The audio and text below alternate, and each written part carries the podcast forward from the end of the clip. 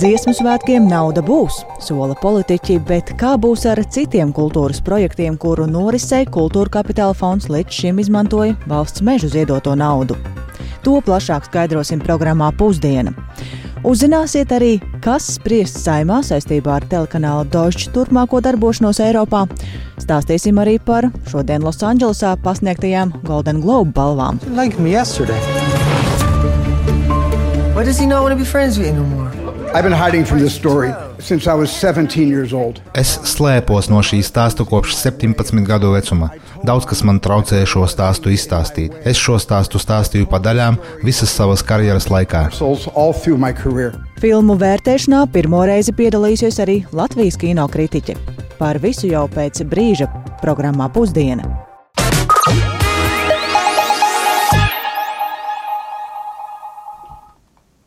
12,5 minūtes skanējumu sāk programma pusdiena un turpmākajās minūtēs par šīs dienas 11. janvāra notikumiem plašākā izklāstā studijā Dācis Semenoviča. Esiet sveicināti! Un sāksim ar valsts budžetu. Tā veidošanas pamatā ir valdības apņemšanās īstenot ekonomikas transformāciju un prioritātes - drošība, izglītība, enerģētika, konkurētspēja un dzīves kvalitāte. Taču, kā šodien Saimas budžeta komisijas sēdē par aktuālo valsts finanšu situāciju izteicās finanšu ministrijas pārstāvi, tad budžeta izstrāde notiek sen nebijušas nenoteiktības apstākļos. Un sēdē sekoja līdzi arī Jānis Kīncis, kurš šobrīd man pievienojas. Sveiks! Sveiks, Jāni! Sveika, Dārts! Sveicināti klausītāji! Un vispirms, kas ir tās galvenās lietas, kas tad ietekmē budžeta veidošanu un kādas ir prognozes šim gadam?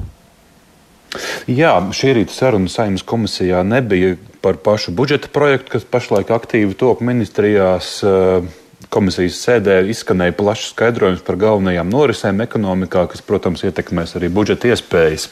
Tā piemēram, iekšzemes koprodukta izaugsme šogad prognozēta 0,6%, kas būs par 1% punktu zemāka nekā bijusi pagājušajā gadā.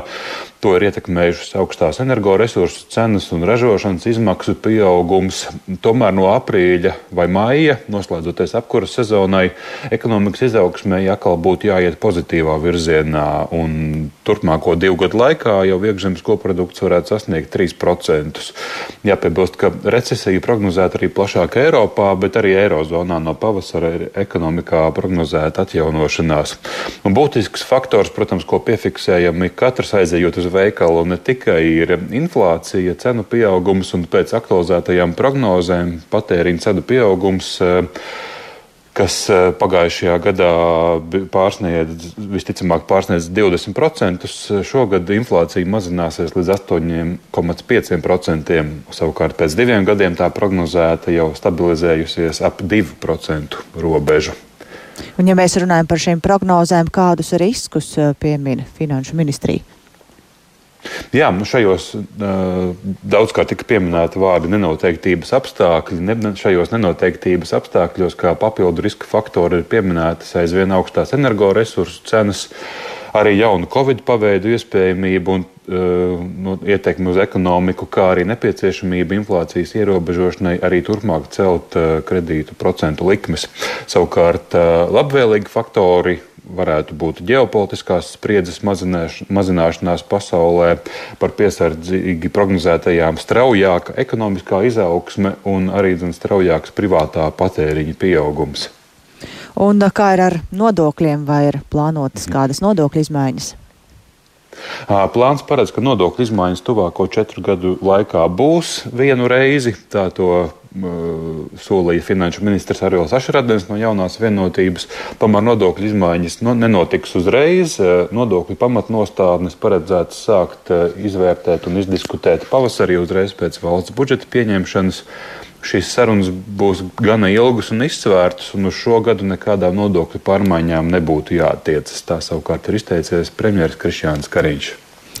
Jā, paldies Jānim Kīncim par ieskatu šajās prognozēs un turpinot par valsts budžeta naudu gaidāmajiem dziesmu un deju svētkiem tās noteikti pietiks par To ir pārliecināts kultūras ministrijas parlamentārais sekretārs Rītvars Jansons. Un šorīt sarunā ar kolēģiem Martu Skuju un Lauris Vēnieku viņš uzsvēra, ka nauda būs un nevienu lielo pasākumu neatcels.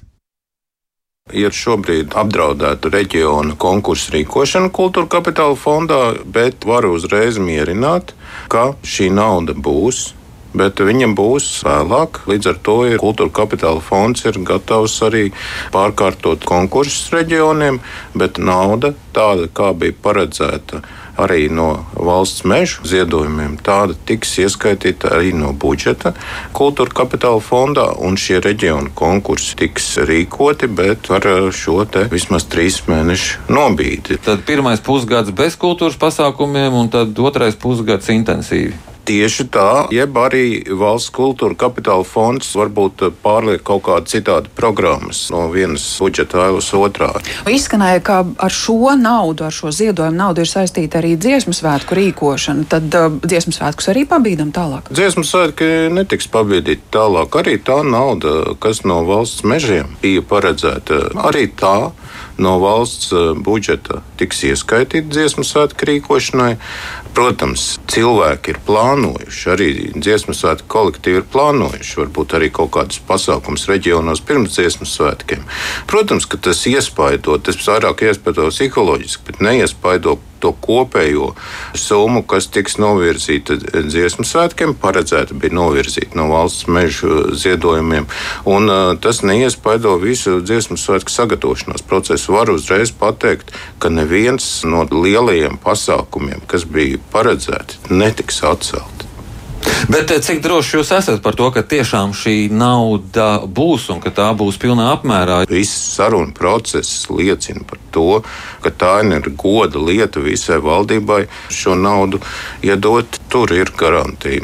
Mēs nevaram runāt par kaut kādām konkrētām summām, varbūt par citām budžeta pozīcijām, kas ir ārpus šīm lietām, ja? bet ministrs ir teicis, ka šīs lietas būs. Tik tālu kultūras ministrijas parlamentārais sekretārs Ritvars Jansons ar pārliecību, ka dziesmu svētkiem nauda būs. Bet kā turpmāk notiks ar kultūras projektu finansēšanu? Latvijas valsts meži valsts kultūra kapitāla fondam šogad bija plānojis ziedot vairāk nekā miljonu, taču pēc aizdomām, ka daļa ziedojuma politisku interešu vārdā nonāk atsevišķās pašvaldībās, valdība lēma ziedojumu politiku mainīt. Fonda vadība informēja šodien par jauno kārtību, un studijā man pievienojas Agnija Lazdeņa. Sveika, Agnija! Sveika, Dācis! Sveiki, klausītāji! Tā, kad, kā tad īsti būs, vai no daudziem projektiem būs jāatsakās? Jā, tātad Valsts kultūra kapitāla fonda padomas priekšsēdētāja Dāce Bluķa atzina, ka tas, ka nebūs ziedojums no Latvijas valsts mežiem, ir līdzis atteikties no daudziem labiem projektiem, tāpēc viņi cer, ka valdība risinās šo problēmu un labākajā gadījumā pacels to procentu daļu, kas ienāk no akcijas nodokļa, alkoholam un cigaretēm, jo, ja tiks iedots vienkārši finansējums dotāciju veidā, piemēram, par vienu miljonu vairāk, tad, kā norādīja Bluķe, nākamajā gadā no jauna atgriezīsies pie tās pašas problēmas. Un eh, jāpiebilst arī to, ka ar kultūras ministru par šo iespējamo risinājumu ir runāts, un viņš ir izrādījis atbalstu šādam risinājumam. Un eh, tagad paklausīsimies, ko par Latvijas valsts meža ziedojumu nepiešķiršanu izsakās pati Dāce Bluķe. Katrā nozarē ir labi projekti, kas būtu pelnījuši šo atbalstu, kuru, diemžēl, nesaņems šī gadā. Un šeit pat nelīdzēs vairs arī kaut kāds kļūdu labojums budžeta ietvaros, jo, ja marta vidū pieņem budžetu un mēs saprotam, ka šis finansējums ir, nu tad tur aprīlī jau kādu festivālu uztaisīt, mums tur mēs tur vienkārši laika dēļ to vairs nespējam nu, šo nodevījumu atgriezt tiem iesniedzējiem, kuri nebūs saņēmuši finansējumu finansējumu. Vēlāk, kad eh, būs jau vairāk zināms par kultūra kapitāla fonda budžetu, tiks lemts par tām programmām, par kurām vēl šobrīd nav pārliecības, vai tām būs eh, finansējums, proti tas ir koru, tautas deju tradīcijas attīstībai un reģionu kultūras programmas, kuras iepriekš fi pilnībā finansiāli atbalstīja Latvijas valsts meži. Un tad arī skatoties to, cik liels būs šis budžets, tiks lemts par vēl četrām programmām, kas ir atbalsts ne akadēmiskajai mūzikai, arī muzikālā teātra žanra attīstībai un arī par programmas Latvijas skolas Soma jauna satura radīšanu. Un tad arī par vēl vienu programmu, kas ir nemateriālā kultūras mantojuma vērtība attīstībai un ilgtspējai. Jā, paldies, Agnija! Plašāk par šo tēmu runāsim arī programmā pēcpusdiena.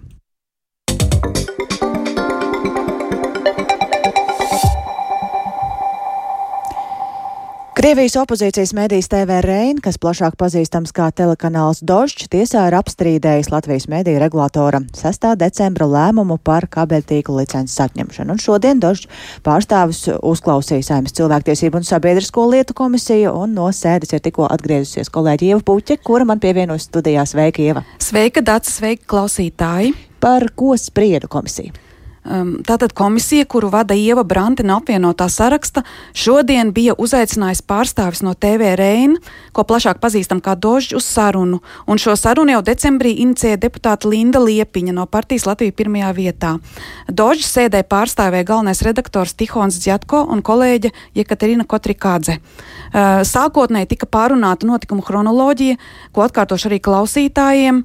Tātad kanāls aizvakar ir iesniedzis apelāciju Latvijas mediju regulatora Nepl P 6. decembra lēmumam par licences atņemšanu raidīšanai kabeļu tīklos. Eh, Dožģi Nīderlandē ir saņēmis jaunu Eiropas kabeļtīklu apraides licenci, eh, un kanāla Amsterdamas studija kļūs par galveno tiklīdz darbinieks saņems atļauju strādāt Nīderlandē. Taču arī Rīgā plānots saglabāt, saglabāt biroju un daļu komandas. Uh, tas kanālam tiešām ir smags trieciens. Jā, bet par ko šodienas komisijas sēdē tad vairāk? Deputāti interesējās, kā, kā viņi tālāk taisās funkcionēt, vai ir nomaksāti sodi. Kas tieši notiks ar, ar tiesvedību? Tā tad ir divas tiesvedības. Viena ir par, arī par 4000 eiro sodu par latviešu valodas skaņu celiņa nenodrošināšanu. Par to tika jā. ļoti plaši diskutēts. Jā, bet nu, tad kāda ir tā deputātu reakcija? Deputātu reakcija, kā jau varēja sagaidīt, nebija viendabīga. Uh, daļa deputātu pat ļoti atklāti izteica atbalstu un simpātijas TV Reina un vai Dožģi un teica, ka tas ir bijis viņu galvenais informācijas avots kara sākumā. Ir ļoti žēl, ka tas viss tā ir noticis. Taču bija arī kāds lēmums. Komisijas vadītāja Ieva Brante, kura oponēja Tihona Dzjatko teiktajam, ka tā pārteikšanās, kas jau tagad ir kļūsi mitoloģizēta, tātad um, Koresteļova uh, izteiciens par, Kriev, par atbalstu Krievijas armijai, kas, kas izskanēja ēterā no studijas Gruzijā, un arī bija galvenais, kā, kā varēja saprast, svaru kausā um, par pieņemšanu, lēmumu pieņemšanu atņemt šo apraides licenci. Uh, Brante teica, ka viņas prāt tā nav bijusi kļūda, taču komisija uh, nesot tiesīga uh, šobrīd uh, kaut ko spriest, kaut ko lemt, tikai uzklausīt. Un tālāko, lai lemj tiesa, kas tālāk notiks ar šo apraides licenci. Tātad klausieties audio rezumējumu, ko teica komisijas viens no pārstāvjiem Gatis Liepiņš no jaunās vienotības. Mēs kā komisija vai deputāti jau varam tikai uzklausīt, eh, neatkarīgi no tā, vai tas lēmums ir pareizs vai nepareizs. Vai kā. Mums nav tiesību eh, šobrīd eh, tikai uzklausīt, kaut ko citu darīt. Un Latvija ir demokrātiska, neatkarīga un uzsver arī tiesiska valsts. Un, nu, strīdus risina tiesā.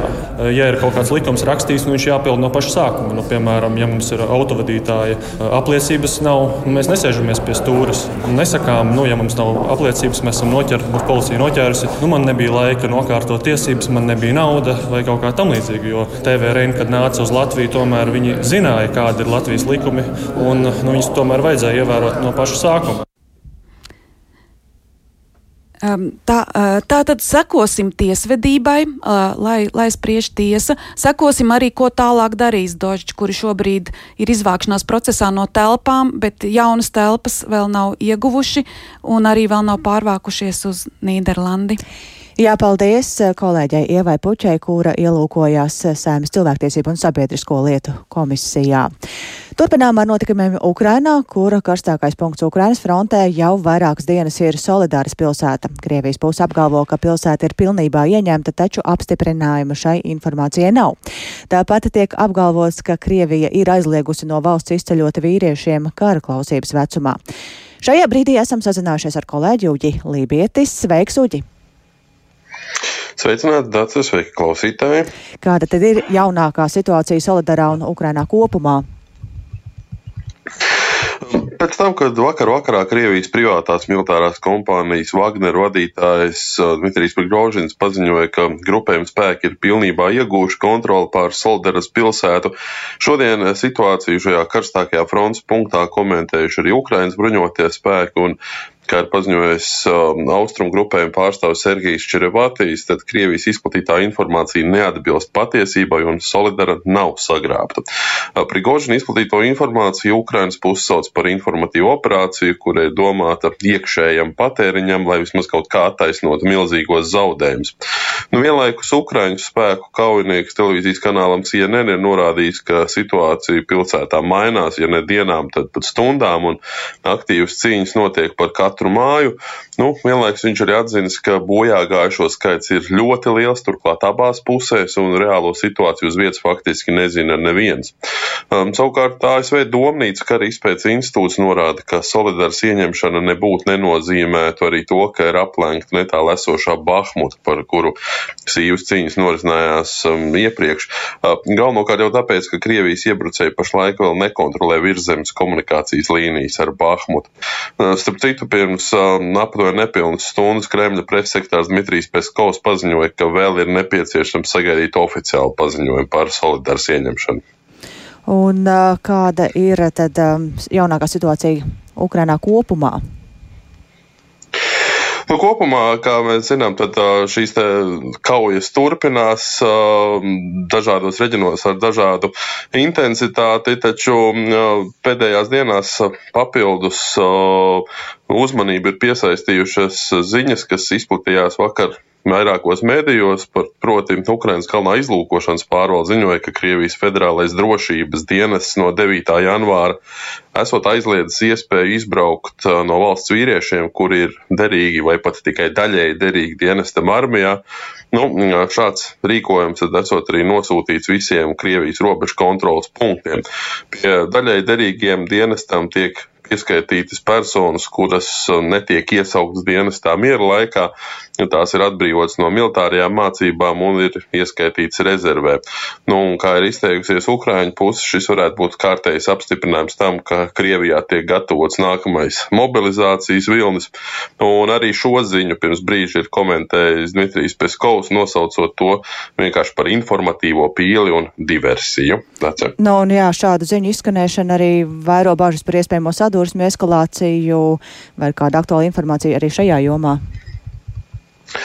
Nu, vakar uh, Ukrainas prezidents Valdemirs Zelenskis brīdināja, ka ienaidnieks tiešām koncentrē papildus spēkus un domā par kārtēju eskalāciju, taču nu, arī tā cietīšot neveiksmi, ja vien Ukraina no partneriem saņems pietiekami daudz un modernu kaujas tehniku. Un pašlaik joprojām skatieni ir vērsti arī Baltkrievijas virzienā, gan Ukraiņu, gan ārvalstu analītiķi uzskata, ka uzbrukums no šī virziena ir iespējams.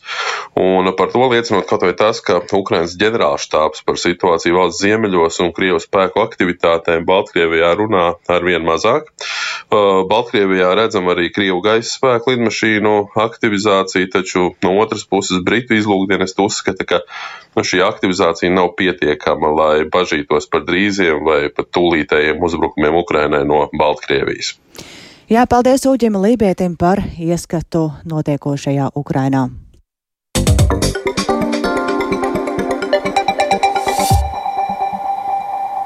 Ar filmu Inišerīnas Banšī un Fabelmeni triumfu šonakt noslēdzās Zelta globusu balvas pasniegšanas ceremonija Losandželosā. Holivudas ārvalstu preses asociācijas pasniegtās balvas uzskata par priekšvēstnesi tam, kuras filmas būs favorītas cīņā par ASV Kino akadēmijas balvu Oskars. Vairāk par to stāsta Uldiķis Esberis. 80. zelta globusu balvas pasniegšanas ceremonija pēc divu gadu pārtraukuma atgriezās televīzijas ekrānos. Now, you, just tell me what I've done to you. Well, you didn't do anything to me. I just don't like you no more. You didn't like me yesterday. Īru režisora Mārtiņa Makdonas veidotā traģikomēdija Inišerinas Banšī saņēma trīs zelta globusus - kā labākais mūzikls vai komēdija un par scenāriju, bet filmas zvaigzne Kolins Ferels ieguva balvu kategorijā labākais aktieris mūziklā vai komēdijā.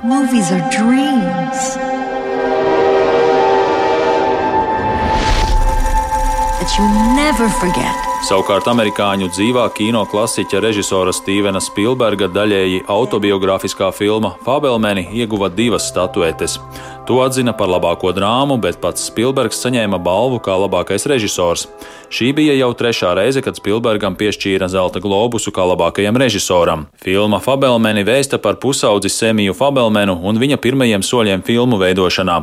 Saņemot balvu kā labākajam režisoram, Spilbergs atklāja, ka viņš šīs filmas ideju bija lolojis jau ļoti sen. Es slēpos no šī stāsta kopš 17 gadu vecuma. Daudz kas man traucēja šo stāstu izstāstīt. Es šo stāstu stāstīju pa daļām visas savas karjeras laikā.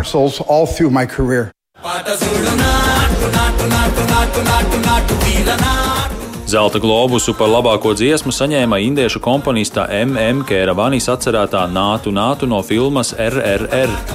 Tas ir pirmais zelta globus kino lielvalstī Indijai. Ceremonijas dalībniekus un skatītājus uzrunāja arī kara plosītās Ukrainas prezidents Volodimirs Zelenskis, kurš pirms politiķa karjeras bija aktieris. There will be no third world war. It is not Nebūs trešā pasaules kara. Tā nav triloģija. Ukraina apturēs Krievijas agresiju uz mūsu zemes. Mēs to paveiksim kopā ar visu brīvo pasauli. Un es ceru, ka jūs visi būsiet kopā ar mums mūsu uzvaras dienā.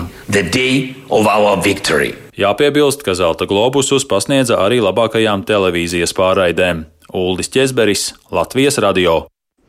Un eh, pirmo reizi vērtēšanā ir piedalījusies arī Latvijas pārstāve, un tā bija kino kritiķa kuratora Dārta Ceriņa. Ar viņu šobrīd esam sazvanījušies. Labdien! Labdien! Droši vien var jūs apsveikt ar paveikto un arī nokļūšanu šajā sarakstā. Kā jūs eh, nokļuvāt vērtēšanas komisijā?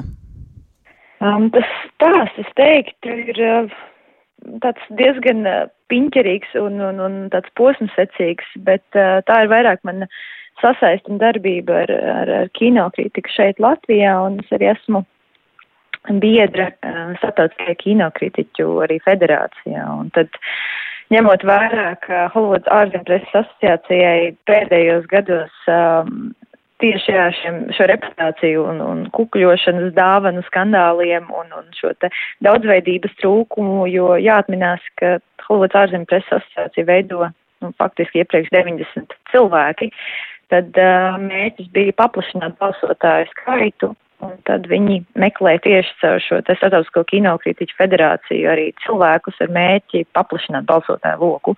Un faktiski tās balvas, kas ir piešķirtas, tas ir 200 cilvēku darba kopums, pārstāvot 62 valsts.